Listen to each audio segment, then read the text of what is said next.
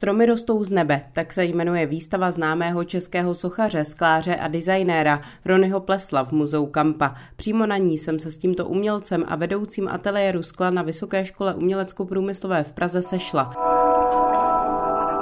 té koncepci výstavy jako takové má několik částí, dvě až tři. Já to nechám na vás, abyste to dovysvětlil, ale eh, pojďme možná přímo k tomu samotnému názvu Stromy rostou z nebe, protože to byla vlastně instalace, která byla minulý rok v Benátkách. V ní předpokládám teďka stojíme. Ano, výstava má základní dvě části. Jedna část jsou Benátky, kdy jsou tady čtyři kmeny, které byly vystaveny jako součást Benátského bienále loňského roku.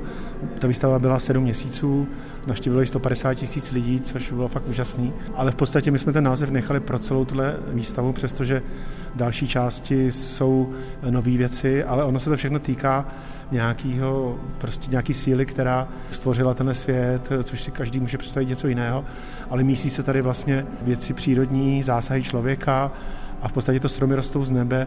Tím je trošku řečeno, dá se vše, že ta příroda prostě vznikla z nějakého impulzu a ta druhá část je právě, jsou květiny, takové jako herbář, takové jako bizarní květy a v té třetí části, když to tak nazveme, tak jsou vlastně kladiva, sekery a takový jako zásahy člověka, takže se to dá rozdělit na stromy, které jsou z nebe a stromy, které pokácal člověk. Zůstaňme ještě chvilku u této první části.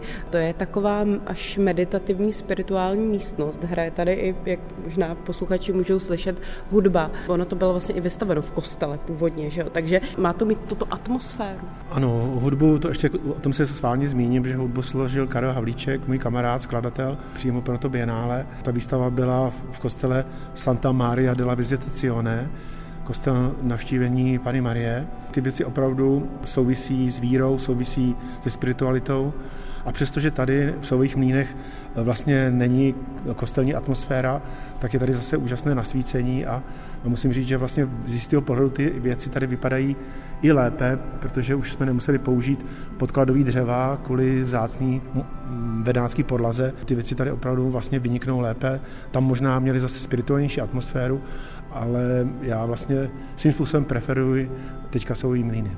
Aby jsme trochu popsali eh, ty věci, které tady vidíme, u kterých tady stojíme, tak to jsou opravdu kmeny ze skla. Jakým způsobem to vytváříte? Je to odlitek, nebo jak, jak vlastně tato věc vzniká? No jsou to opravdu tři kmeny, které jsou odlitý eh, z dubů, asi z stoletých dubů nebo 70 letých dubů, teď přesně nevím.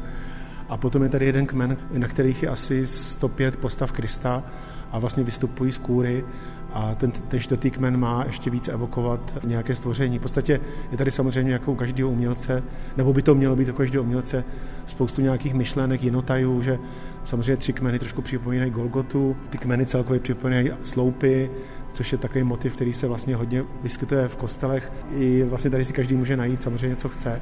Co se týče technologie, tak eh, je to opravdu nová technologie, kterou vymyslel Jiří Šín, který za mnou před asi pěti lety, čtyřmi lety přišel a řekl mi takovým hlubokým hlasem, protože to dvoumetrový, 130 kilový chlap, tak mi řekl, ty jsi řekl, že chci dělat velké sochy a já to umím. Od té doby spolupracujeme a je to opravdu genius skla, který přišel z, po tisíciletích s úplně novým přístupem lití skla, že dokáže do zavřené formy hnát horký sklo kanálky, podobně jako u bronzu. Když se posuneme malinko dál, tak vlastně tady v přízemí, teď jsme byli v té první místnosti a pak ta druhá místnost, ta už je tou další částí té výstavy. Tady jsou takové menší plastiky, skleněné plastiky a vaše kresby. No, další části je takzvaný herbář, ale je to spíš takový herbář, jako kdyby odváchala taková jako bizarní krajina, kde jsou zvětšené květy růží, které rostou z, z kořenů. Je tady kořen, v kterým je zarostlá lepka, je tady kořen, z kterého vystupují krystaly, je tady strom, který je seříznutý a v reliefu je Madonna s dítětem. A je tady hlavně dvoumetrová, 100 visící růže, která taky není na obyčejném stonku, ale ten stonek je vlastně kmen, kmen stromu. A jsou tady kresby na ručním kartonu, ručně vyráběném kartonu. A musím říct, že zatím jsou ohlasy takový, že až se divím, jak lidi pochopili vlastně ten záměr, že, že je tady taková, já tomu říkám, hádala se duše s tělem, kdy se tady zase mísí takový jako boží myšlenky, ale zároveň i erotika a vlastně taková touha člověka po poznání a po, po nějaký povášni. A speciálně teda růže je pro mě trošku symbolem eh, jako štěstí, radosti, ale zároveň smutku. A k těm růžím bych ještě řekl, že jsem se inspiroval knihou z dětství Nebe nezná vyvolených, kde vlastně se v sanatériu v horách dávají růže na hroby i mrtvým, bohužel dívkám a zároveň v druhý den se recyklují a prodávají se v obchodě s květinami, kde je zase ty ctitelé těch dívek v sanatoriu vozí jako dárek a v těch růžích vidím trošku takový smutek i radost a ta růže je vlastně vysící obráceně, v podstatě je to taký kivadlo. Pro vás jsou ty kresby také, tak řekněme, že můžete kreslit sám v klidu takzvaně. A ty plastiky a ty sochy a všechny ty další věci, které děláte, předpokládám, že je to tým lidí, který vám pomáhá. Nemůžete je vytvářet sám. Určitě. No, to je dobře řečeno. Vlastně tou kresbou si vlastně kompenzuju trošku to, že sklo nikdy neděláte jako jednotlivec, vždycky potřebujete tým a já samozřejmě vyrobím všechny modely, podílím se sochařsky na té přípravě, ale tu odbornou stránku nechávám na těch nejlepších tavičích a nejlepších brusičích. A ta kresba je moje velice osobní, tam vlastně nikdo mi nikdy nepomáhal. Já už vlastně v designu jsem trošku výjimkou, že nikdy jsem neměl velký studio, nikdy jsem neměl spolupracovníky a nikdy žádná věc nevznikla, eh, že, bych jí, že by někdo vytvořil za mě. Takže možná i díky tomu jsem si uchoval to jméno, v kterém můžu jít teďka do světa volného umění, protože nejsem studio Rony Plesl, jsem Rony Plesl jako výtvarník. Můžeme se podívat ještě do té poslední části. Tady jsou trošku ty zásady člověka, no, že je tady no, taková nostalgie, když můj děda sekal dříví a zatnul tu sekeru a už třeba potom se k tomu nevrátil a že vlastně to je, jak člověk vlastně zatne sekeru a potom zemře a už eh, ji nevyndá, nebo ji zatne jako mladý a jako starý člověk už ji nevyndá. Ono to souvisí s nějakým takovým zásahem do přírody se svým, eh, jak tomu říká Jan Skomenský, kolotání a lopotání. To nazývá v labirintu světa ráj srdce. Takže to jsme v té třetí části, v prvním, druhém, teď nevím, kam jsme vylezli v prvním nebo druhém patře, prostě v té poslední části. Jsou to věci, které jsou nejnovější?